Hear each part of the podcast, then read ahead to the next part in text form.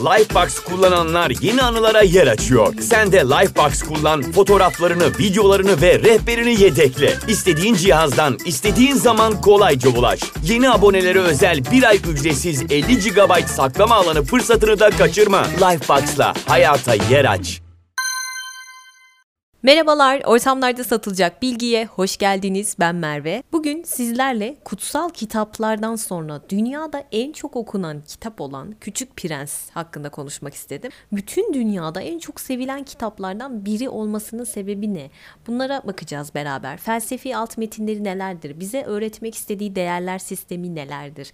Yazarın hayatından kitabı bir şeyler damlamış mı? Bunlardan bahsetmeye çalışacağım. Konum oldukça uzun. O yüzden hemen başlamak istiyorum. Önce Öncelikle şöyle kitaba bir giriş yapalım. Kitap bize ne anlatıyor, neler söylüyor. Şimdi yazarın adını telaffuz edemiyorum. Kusura bakmayın Fransızcam yok. Saint-Exupéry demem yeterli bence. Şöyle esere kısaca bir değinelim. Uçağı bozulan bir pilot var. Bu pilot Sahra Çölü'ne zorunlu olarak bir iniş yapmak durumunda kalıyor. Orada Küçük Prens adlı biriyle karşılaşıyor. Küçük Prens de ona ben işte B612 asteroidinde tek başına yaşıyorum. Başımdan bunlar bunlar geçti diye yaşadığı maceraları anlatmaya başlıyor. Gezegeninde çok sevdiği bir gülünün olduğundan bahsediyor. Ve daha sonra o gülü tek başına bırakıp diğer galaksileri gezmek için bir yolculuğa çıktığından bahsediyor. Bu yolculuk dünyada pilotla karşılaşmasıyla devam ediyor. Aslında bu yolculukta bize anlatılmak istenen olay şu. Bir yetişkinin kendi içindeki o çocukla karşılaşması hatta karşılaştırılması Küçük Prens tarafından yapılıyor bu. O size bir şeyler anlatıyor ve siz o esnada kendinizi sorgularken buluyorsunuz bir yetişkin olarak okuduğunuz zaman. İşte bu öyküdeki bu anlatıcı olan pilotun bozuk bir uçak yüzünden yolda kalışı ve kendisini yaşam ya da ölüm beklentisiyle yüz yüze bulmasından sonra başlıyor hikaye. Çünkü orada Küçük Prens'le karşılaşıyor. Bu öykünün özünde yatan temel mesele aslında insanın hayatı ve bu hayatın nasıl geçirildiği. Dikkat bu hayatın nasıl geçirildiği ne kadar önemli. İşte bu noktada anlatıcıyla Küçük Prens arasındaki diyalog insanın kendi kendisiyle yaptığı bir konuşma niteliği taşıyor. Onlar bu diyalogları kurarken siz de durup kendi kendinize bir iç muhasebe yapıyorsunuz. Bence kitabın en güzel tarafı bu. Ve kitap nasıl başlıyordu hatırlıyorsanız Küçük Prens ve öykünün anlatıcısı ilk olarak Küçük Prens'in bana bir koyun çizer misin lütfen demesiyle başlıyor. Yani çizme eylemi yoluyla bir ilişki kurmaya başlıyorlar değil mi? Bir de Küçük Prens'in ben e, sürrealist bir hikaye olduğunu düşünüyorum. Çünkü böyle gerçekliğin kabul edilen düzenine karşı bir meydan okuyuş zaten var. Bir de e, sürekli bir hayal var. Rüyalar alemi gibi değil mi? Sürrealist. E, bir de şu var ki hayal kurma kapasitemizin yeniden keşfedilmesini sağlıyor bu kitap. Ve sonra zaten şöyle bir şey oluyor. Bir rol değişimi yaşanıyor dikkat ettiyseniz. Çocuk yetişkini alıyor merak etmenin o kutsal topraklarına götürüyor. Çünkü sürekli soru soruyor. Dikkat ettiniz mi? Çocuklar hep soru sorarlar ama biz büyüdükçe, yaşımız ilerledikçe bu soru sorma yeteneğimizi, daha doğrusu merak etme duygumuzu kaybediyoruz ve merak duygusu bittiği anda bence dünyanın en kötü şeyi olabilir ya merak duygusunun yitirilmesi. Ve e, Saint-Exupéry zaten hayatının e, en son yıllarında yazmış bu Küçük Prens'i. Bize yetişkin hayatının nasıl yaşanabileceğine ve hatta nasıl yaşanması gerektiğine dair bir manifesto niteliğinde kitap bırakmış diyebiliriz. Peki bu kitap dünyada bu kadar çok sevildi. Dediğim gibi kutsal kitaplardan sonra en çok okunan kitap Küçük Prens ve en çok dile çevrilen kitaplardan birisi de. Yine Küçük Prens neden bu kadar sevildi ve bu kadar tutuldu? Bunları az sonra konuşacağız ama şöyle bir durum var. Hala bu kitabı küçümseyenler için şunu söyleyebilirim mesela. E, Heidegger biliyorsunuz 20. yüzyıl Alman filozof hatta en büyüklerinden birisi bu filozofların. Soruyorlar Heidegger'e diyorlar ki 20. yüzyıl edebiyatının sence en büyük eseri nedir? O da diyor ki Küçük Prens tabii ki. ya Merve Heidegger'i ne yapayım ya? Türklere gel diyorsanız da Türkler de bizim en büyük felsefecilerimizden Ian Nakıçuradi bir konuşmasında diyor ki bir adaya düşsem, ıssız bir adaya yanıma tek bir kitap alırım. O da Küçük Prens diyor. Tam bir Küçük Prens düşkünü. Dikkat edin iki büyük felsefeciden bahsediyorum. Birisi Türk, birisi de Alman Heidegger. E, bunun dışında zaten 2003 yılında Ay'daki bir gök taşına Küçük Prens adı verildi ve hatta Fransa'da banknotların üzerine resmi basılmıştır e, Küçük Prens. O kadar çok seviliyor. Zaten Fransa'dan çıktı. Hadi şimdi gelin şöyle kısaca Saint-Exupéry'nin hayatına bir göz atalım ki kitapla ilişkimizi daha sağlam kuralım. Şimdi Exupéry varoluşçu ve insancıl bir dünya görüşüne sahip. En acısı da şudur ki 4 yaşında babasını kaybeden bir adamın kitabı aslında Küçük Prens. Hani derler ya babası ölünce büyür insan. Yani kaç yaşında olursa olsun. Şimdi yazarın doğum yılına baktığımız zaman ve yaşadığı zaman diliminde hep söylerim bir insanın doğabileceği, yaşayabileceği en kötü zaman dilimi ne zaman? Birinci Dünya Savaşı ve İkinci Dünya Savaşı yıllar arası veya o dönem. İşte o da 1900 yılında Fransa'da doğuyor ve tam ergenlik çağına geldiği zaman yani 14 yaşında Birinci Dünya Savaşı patlıyor 1914 ve 18 yaşına gelene kadar zaten bu savaş devam ediyor. Sonra aradan yıllar geçiyor derken yıl 1940'a geliyor. Exupéry henüz 40 yaşında ve İkinci Dünya Savaşı patlıyor. İkinci Dünya Savaşı da işte Fransa, Paris zaten 1940'da Almanlara teslim oluyor. Adamın kendi memleketi. Ve bundan 4 sene sonra da zaten ölüyor. Ve savaş o öldükten sonra bitiyor. 1945'te bitiyor. Şimdi burada bir parantez açıp sizlere de çok merak ettiğim bir soruyu sormak istiyorum. Gerçi ben kendimce cevabını buldum ama sizlere de sormuş olayım. Hiç dikkat ettiniz mi bilmiyorum. Birinci Dünya Savaşı ve İkinci Dünya Savaşı aralığında yazılan eserleri şöyle bir tarayın. Gerçekten çok iyi eserler, edebiyatçılar çıktı. Hiçbirinin tekerrürü olmadı. Hepsi kendi çaplarında çok başarılı eserler verdi o senaryoda hep kendimi düşünmüşümdür. Yani Merve Birinci Dünya Savaşı'nda veya işte İkinci Dünya Savaşı'nda veyahut o aralıkta yaşıyor olsaydın sen ne yapardın? Bu kadar büyük eserler üretebilir miydin? Hatta geçen Instagram'da paylaşmıştım ya ben Fight Club manyağıyım hep söylüyorum. Tyler Durden'ın bir repliği var. Diyor ya bizim neslimiz büyük depresyonu ya da büyük savaşı yaşamadı. Bizim savaşımız ruhsal bir savaş. Bizim depresyonumuz kendi hayatlarımız. Ben bu sözü çok seviyorum ve çok doğru buluyorum. Neden? Çünkü şöyle bir Covid dönemini hatırlayın. O ilk patladığı ve karantinaya girdiğimiz dönem. Şimdi düşünüyorum gerçekten o kadar şımarıkça davranmışız ki abi sadece biz eve hapsolduk. Savaş görmedik, bir şey görmedik. Neymiş efendim? Depresyondayım. Niye? Evden çalışıyorum. Sosyalleşemiyorum. Gerçekten bu savaşları yaşayan adamlar bunları duysa ağzımıza kürekle vurur ve haklılar da yani. Neyse sorumuza dönelim. Ben bu iç muhasebe yaparken işte yıllar evvel düşünüyorum. Orwell'in kitabını okumuşum. İşte bu adamlar nasıl böyle eserler üretiyor vesaire diye. Bir anda böyle radyoya bastım ve şu şarkı çıktı. Aradığım sorunun cevabı aslında bu şarkının içinde saklıydı diye düşünüyorum. Bilmiyorum siz ne düşünürsünüz. Şarkı buydu. Acının insana kattığı değeri bilirim Küsemem acıdan geçmeyen şarkılar biraz eksiktir ya şu söze bakar mısınız ya? Acıdan geçmeyen şarkılar biraz eksiktir. Bunu böyle tabela yapıp asmak istiyorum şu anda. Her acı çektiğimde bunu düşünmek istiyorum. Madem bu kadar acı güzellemesi yaptım o zaman bununla ilgili size ortamlarda satılacak bir bilgi vereyim hemen. Özellikle tekila şat atmayı sevenler burayı iyi dinlesinler. Şimdi tekila'nın yapıldığı ham madde var ya bunun adı agave kaktüsü ve bu Meksika'da çölde yetişen özel bir kaktüs türü. İşte bu agave kaktüsünün bir özelliği de şu ki yapraklarında sisal denilen ipeksi bir iplik barındırıyor. Bu iplik ipekten daha pahalı bir kumaşın yapımında kullanılıyor sisal. İşte bu kaktüsün bu özelliğini duyan bir iş adamı bu konuda yatırım yapmaya karar veriyor. Gidiyor hemen devasa bir fabrika kuruyor. Fabrikaya da yakın kocaman verimli bir tarlada bu agave kaktüslerinden yetiştirmeye başlıyor. Bunun için her türlü yatırım yapıyor ama bol vitaminli, zenginleştirilmiş gübreler, işte agaveler kocaman olsun, yaprakları devasa olsun ki daha çok kazanç elde edebileyim diye adam her türlü fedakarlığı yapıyor. Sonunda bu agaveler büyüyor, kocaman kocaman yapraklar oluyor. Tabii iş adamı sabırsızlanıyor. Hemen bunları işte toparlayalım, içindeki iplikleri alalım vesaire diye. Ama ne oluyor biliyor musunuz? Hiç beklenmedik bir olayla karşılaşıyorlar. Bir bakıyorlar kaktüslerin neredeyse hiçbirinin içerisinde sisal ipliği denen o iplikten yok. Tabi iş adamı bunun karşısında şok oluyor ve hemen diyor bir bitki biyoloğu çağırın bana. Neyse bitki biyoloğu geliyor.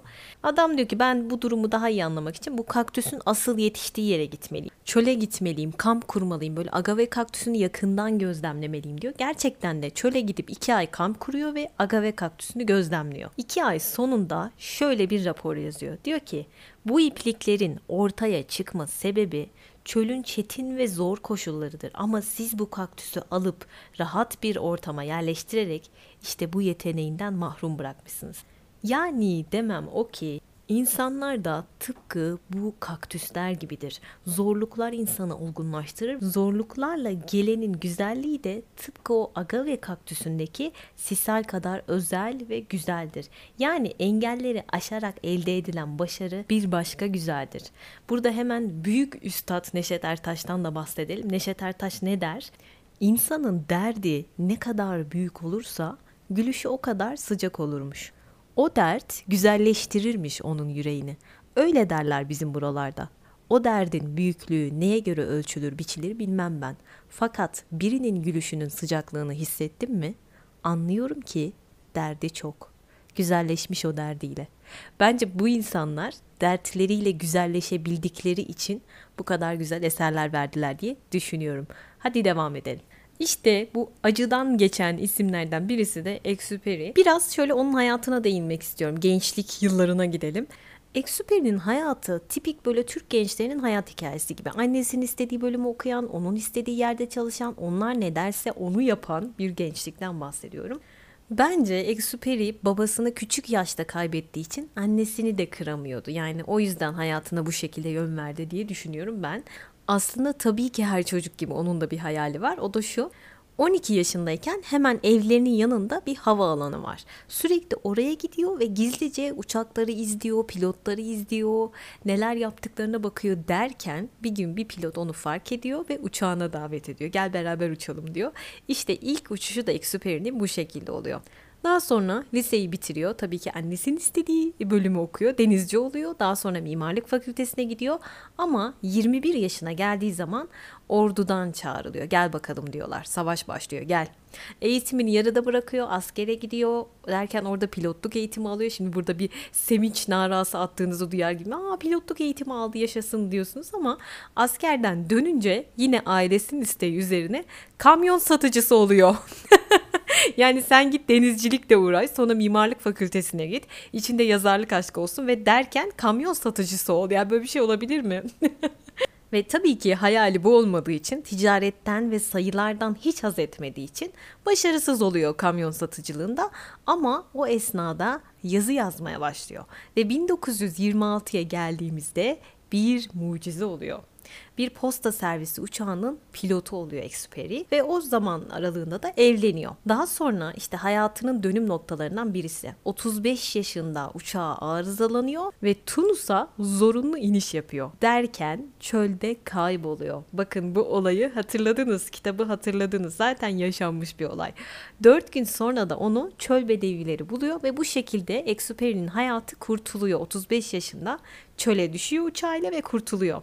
Neyse buradan kurtulduktan sonra yıllar sonra 2. Dünya Savaşı çıkıyor. Fransa yani kendi ülkesi işgal altında ve Exuperi bu kadar umutsuzluğun içinde diyor ki ben bari çocuklara bir umut vereyim. Onlara umut olsun diye işte bu Küçük Prens kitabını yazmaya karar veriyor. Lifebox kullananlar yeni anılara yer açıyor. Sen de Lifebox kullan, fotoğraflarını, videolarını ve rehberini yedekle. İstediğin cihazdan, istediğin zaman kolayca ulaş. Yeni abonelere özel bir ay ücretsiz 50 GB saklama alanı fırsatını da kaçırma. Lifebox'la hayata yer aç. Yani şunu demek istiyorum ülkesi işgal edilen bir adam tarafından İkinci Dünya Savaşı sırasında yazıldı bu eser. Lütfen bu kitabı okurken bunu göz önünde bulundurun. Ve kitabı yazdıktan sonra sağlık durumu el vermediği halde ülkesinin işgaline yüreği dayanmadı ve orduya tekrar katıldı. Bakın sağlığı elverişsiz bir şekilde ve Alman orduların hareketini havadan izlemekle görevlendirildi. Yani keşif uçuşları yapıyordu. İşte bu keşif uçuşları esnasında 31 Temmuz 1944'te uçağı vuruldu ve denize düştü. İşte o düşen uçağın enkazı da bundan 21 yıl önce yani çok yeni bir zaman diliminde bulundu. Şimdi kısaca kitabın konusunu size hatırlatmak istiyorum. Kitapta ne vardı? Uçağa bozulan bir yazar Sahra Çölü'ne zorunlu iniş yapmak zorunda kalıyordu. Zaten az önce aynısını anlattım. Yazar bunun aynısını 35 yaşında Tunus'ta çöle düşerek yaşamıştı zaten. Derken kitapta çölde Küçük Prens adlı karakterle karşılaşıyor geçiyor yazarımız. İşte bu yolculukta bize anlatmak istediği olay ne? Büyümek. Bu büyüme olayı bir çocuğun gözünden yetişkinlerin dünyasına bakılarak yapıldığı için bence bu kadar sevildi diye düşünüyorum bizler tarafından da. Şöyle kısaca değinecek olursam kitap zaten 27 bölümden oluşuyor ve Küçük Prens'in gezegeninden ayrılıp 6 ayrı gezegene yaptığı gezileri anlatan kısımlar bence biz yetişkinler için en çarpıcı kısımlar. Neden? Şöyle ki kralın gezegeni vardı hatırlıyorsanız bu otorite tutkusunu anlatıyordu. Sanatçının gezegeni kendini beğenmişliği ve sanatçının o toplumla olan ilintisinin kopması, bağının kopması. Sarhoş'un gezegeninde umutsuzluk ve buna dayanan o unutma isteğini nasıl bastırdığını alkole sığınarak. İş adamının gezegeninde böyle amaçsızca, fütursuzca sahip olma tutkusunu gördük. Fenercinin gezegeninde anlamsız ve sorgulamadan yerine getirilen, biat edilen o görev duygusunu gördük. Coğrafyacının yaşadığı gezegende ise bilimi kimin için yaptığını unutan bilim insanlarını gördük. Yani bilme ile deneyimin veya işte keşfetmenin farkını simgeliyordu oradaki coğrafyacı. Çünkü her coğrafi ögenin yerini bildiğini iddia eden coğrafyacı aslında kendi gezegeninden bir haberdi. Bu biraz çağımız insanına benziyor değil mi? Her şeyi bilen ama kendine yabancı olan iletişim çağı insanı bence o coğrafyacıydı diye düşünüyorum. Peki şimdi size bir soru sormak istiyorum. Neden Küçük Prens'in yol arkadaşı böyle her masalda gördüğümüz ton ton kedi köpek tavşan ayı değil de bir tilkiydi? Şimdi tilki deyince aklınıza kurnazlık gelmedi mi? Kötülük geldi değil mi? Çünkü tilki bizim için bunların timsalidir. Neden Eksuperi böyle bir karakteri Küçük Prens'in yanına koydu dersiniz? Bence şundan dolayı ön yargılarımızı yıkmak için. Çünkü tilki yol boyunca Küçük Prens'e kılavuzluk etti ve ona hiçbir şekilde kurnazlık vesaire böyle şeyler de bulunmadı. Ön yargılarımız yıkıldı mı? Evet. Şimdi en baştan başlayarak sahne sahne gitmek istiyorum. İlk başta pilotun uçağının o çöle düşmesi ve sonra Küçük Prens'le tanışması ve Küçük Prens'in ondan bir resim çizmesini istemesi pilottan. Burada ne vardı aslında? Eski değerlerin, ideallerin, duygusal kalıpların yetersizliğini gösterdi bu sahne bize. Pilot bu resmi çizerken dikkat edin kendisini düşünmeye başladı. Çocukluğunun yetişkinler tarafından nasıl görmezden gelindiğini ve yavaş yavaş içindeki çocuğun nasıl yok olduğunu gösterdi. Bunu hepimiz yaşamıyor muyuz? Kesinlikle yaşıyoruz. Ama pilot şunu fark etti. Aslında o çocuk orada duruyor. İçindeki çocuk hala orada ve bunu o resim hatırlattı ona. Hatta pilot dedi ki o esnada sadece sayılarla uğraştığımı, tarihle, coğrafyayla, dil bilgisiyle uğraştığımı ve resim yapmayı beceremediğimi söyledim ona dedi. Şimdi burada bir durup düşünmenizi istiyorum. Çocukluğumuzun nasıl yavaş yavaş öldürüldüğünü fark ettiniz mi? Aslında bu ne kadar biziz. Hani e, Gülten Akın der ya Ah kimselerin vakti yok durup ince şeyleri anlamaya. Durup ince şeyleri anlamaya vaktimiz bile yok artık. Çünkü biz yetişkin olduk. Yani bu bence kötü bir şey. Şu an böyle anlatınca daha da içselleştirdim. Olan yetişkin olmak değil aslında da hani çocukluğumuzu kaybetmemiz. içimizdeki çocukla bağımızın kopması kötü olan şey benim bahsettiğim bu. İçinizdeki çocuğun nasıl öldüğünü Exuperi böyle gözümüze gözümüze sokmuş. Sonra bir yerde benim en sevdiğim yerlerden birisi nitelikten ziyade artık niceliğe önem veren yetişkinleri eleştiriyor. Diyor ya işte çünkü diyor büyükler sayıları sever. Onlara deseniz ki kırmızı kiremitli güzel bir ev gördüm. Pencerelerinde şöyle çiçekler vardı, çatısında böyle kuşlar vardı. Bir türlü o evi gözlerinin önüne getiremezler. Ama deseniz ki 100 bin liralık diyor kitapta ama 100 bin liralık ev mi kaldı? Deseniz ki onlara işte trilyonluk bir ev gördüm. Şöyleydi böyleydi deseniz aman ne güzel ev diye atlarlar diyor. Doğru mu değil mi? Kesinlikle doğru. Mesela şöyle düşünün. Bir arkadaşınızla oturuyorsunuz. Diyorsunuz ki ya bir adamla tanıştım ya da bir kadınla. Şöyle iyi böyle iyi bir kalbi var. Şöyle temiz ruhlu bir insan vesaire. övüyorsunuz. Tamamen manevi özelliklerini övüyorsunuz ve o araya girip diyor ki size e ne iş yapıyor? Yani bu aynı hesap. Çağımız insanının hastalığı değil de ne Neyse yükseldim devam edelim. Şimdi bir noktada Küçük Prens edindiği tecrübeleri asla unutmak istemediğini söylüyor. Neden unutmak istemiyor edindiği tecrübeleri? Çünkü eğer unutursa zaten büyüklere dönecektir. Büyükler nedir peki? Büyükler Küçük Prens'in sembolik ölümünden önceki hali gibidir. Bu arada Küçük Prens'in o sorduğu sorular var ya öyle alelade sorular değil. o soruları aslında size soruyor.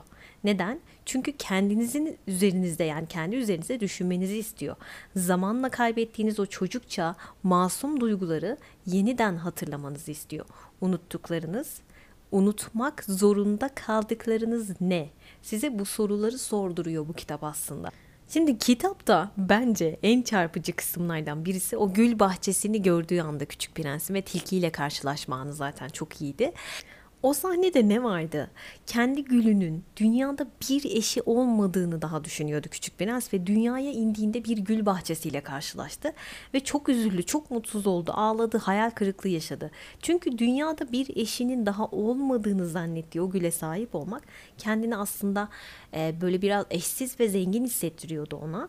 Ama bir anda gerçeklerle yüzleşti ve o zenginliğin kendisini terk ettiğini gördü.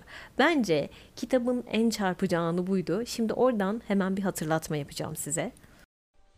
Kimsiniz siz? Biz, biz, biz güller, biz gülleriz, gülleriz, gülleriz. Yani benim sahip olduğum sıradan bir gül müydü? Ama bana tüm evrende türünün tek örneği olduğunu söylemişti. O sıradan bir gül değil ki. O senin gülün. Gülünü senin için bu kadar önemli kılan ona harcadığın zamandır. O benim gülüm. Ona dönmelisin. Bence filmin ve kitabın en güzel yerlerinden birisi buydu. Çünkü gülünü eşsiz yapan ona harcadığın emektir, zamandır. Yani Küçük Prens burada kendi gülüne benzeyen bir sürü gül gördü bahçede. Ama kendi gülünün o kaprisleri, o nazları, o halleri geldi aklına ve görüntü olarak gülünün aslında biricik olmadığını gördü. Ve Tilki ona gülünün neden değerli olduğunu gösterdi.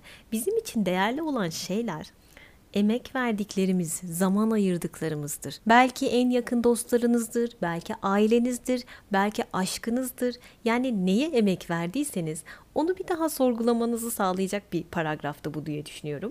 Bir de bir yerde diyor ya birini güzel olduğu için sevmezsin ki. Sen sevdiğin için güzeldir o. Sırf sen seviyorsun diye herkesten farklıdır. Herkesten başka bakar gözleri. Onu özel kılan sensin. Senin sevgin.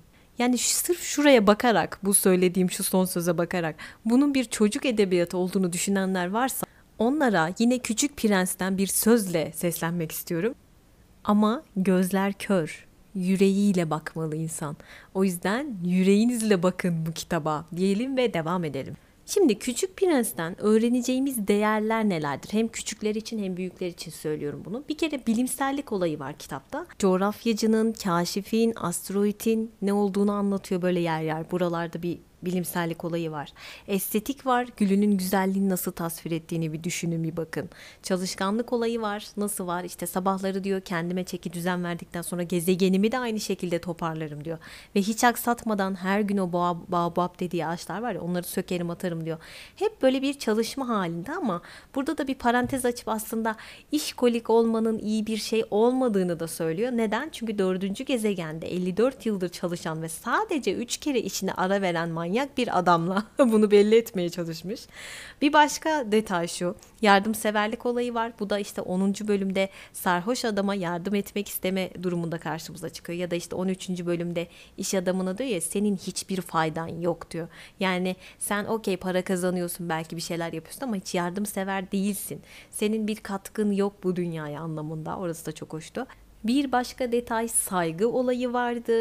Hatırlarsanız uğradığı gezegenlerde saçma sapan insanlar olmasına rağmen Küçük Prens hepsine saygı çerçevesinde e, davranışlarını idame ettirdi. Bu da önemli. Bize şunu söylemeye çalışıyor. Hani karşınızdaki insan ne kadar saçma, ne kadar anlamsız olursa olsun size zarar vermediği sürece onlara olan saygınızı yitirmeyin anlamında.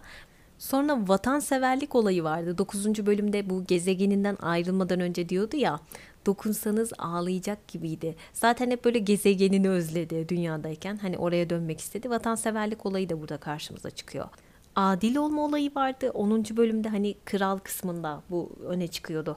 Kral her ne kadar otorite sahibi, mutlak gücü olan biri olsa da adil ve sağduyulu olmaya davet ediliyordu aslında burada.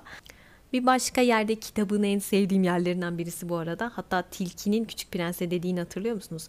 Evcilleştirdiğin her şeyden her zaman sorumlusun. Gülümden sorumlusun.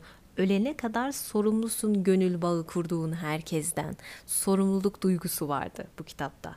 Dürüstlük değeri vardı bir başka yerde. Altıncı gezegendeki o coğrafyacı kaşifi hatırlayın. Yalancı bir kaşifin ilerisinde nelere yol açabileceği konusunda dürüstlük değeri sorgulanmış. Bence bu tarih içinde geçerli. Herhangi bir hata yapılırsa tarihte bunun ilerideki sonuçlarını düşünmemiz açısından dürüstlük değeri çok güzel verilmiş. Sevgi zaten hep var. Gülüne duyduğu sevgiden hep bahsediyor. Ve en çarpıcı, kitabın en çarpıcı temalarından birisi de arkadaşlık. Zaten beni en çok duygulandıran kısmı da orasıydı. Hani pilot diyordu ya Küçük Prens için. Bir gün unutursam gözleri sayılardan başka bir şey görmeyen büyüklere dönerim. Ya da Küçük Prens'in şu cümlesi bu beni çok duygulandırıyor. Diyor ya insan susuzluktan ölecek bile olsa bir dostu olması onun içini serinletiyor. Söz gelimi ben bir tilki dostum var diye çok sevinçliyim. Şimdi şöyle sonlara doğru yaklaşırken kısaca toparlayacak olursak Küçük Prens'ten öğrendiğimiz hayat dersleri nelerdir? Birincisi bakmaya değil görmeye çalışın. Çünkü bakmakla görmek çok ayrı şeylerdir. Hani demiştik ya yalnızca yüreğiyle görebilir insan. Bu sözü unutmayın. Gerçek duygularınızı saklamayın çünkü bu daha büyük şeylere bedel olabilir hayatınızda. Daima başkalarını değil, önce bir kendinizi yargılayın. Kibirli olmayın. Bir şeyleri unutmak için, kaçmak için alkole sığınmayın. İçkici adam gezegenini hatırlayın. Kendinizi asla ve asla çok fazla ciddiye almayın. Hayatta ne olursa olsun lütfen eğlenceyi de bir kenara koyun, unutmayın. Keşfetmek için içgüdülerinizi takip edin. Yabancılardan öğrenebileceğiniz çok şey olduğunu unutmayın hayatınızda ve sevdiklerinizin yerini hiçbir şeyin dolduramayacağını asla aklınızdan çıkarmayın ve bazen sevdiklerinizin özgürce uçması gerektiğini de unutmayın. Gördüğünüz gibi asıl sorun büyümek değil, büyürken unuttuklarımız. İşte küçük bir çocuğun gözünden paranın, ünvanın ve mevkinin dünyada değer verilen her şeyin aslında ne kadar değersiz olduğunu gözler önüne seren bir kitap. Bazen biz de dünya denen bu uçsuz bucaksız çölde gerçekten yapayalnız hissediyoruz. İşte böyle hissettiğimiz anlarda aklınıza Küçük Prens'in şu sözleri gelsin. Çölü güzelleştiren bir yerlerde bir kuyu saklıyor olmasıdır. Umarım içinizdeki kuyuları bu sene keşfedersiniz. Beni Instagram'da takip etmek isteyenler için adresim ortamlarda satılacak bilgi. Merve biz de buradayız seni dinliyoruz selam derseniz çok mutlu olurum. Şimdilik kendinize iyi bakın. Haftaya tekrar görüşmek üzere. Hoşçakalın bay bay. İçindeki çocuğa sarıl Sana insanı anlatır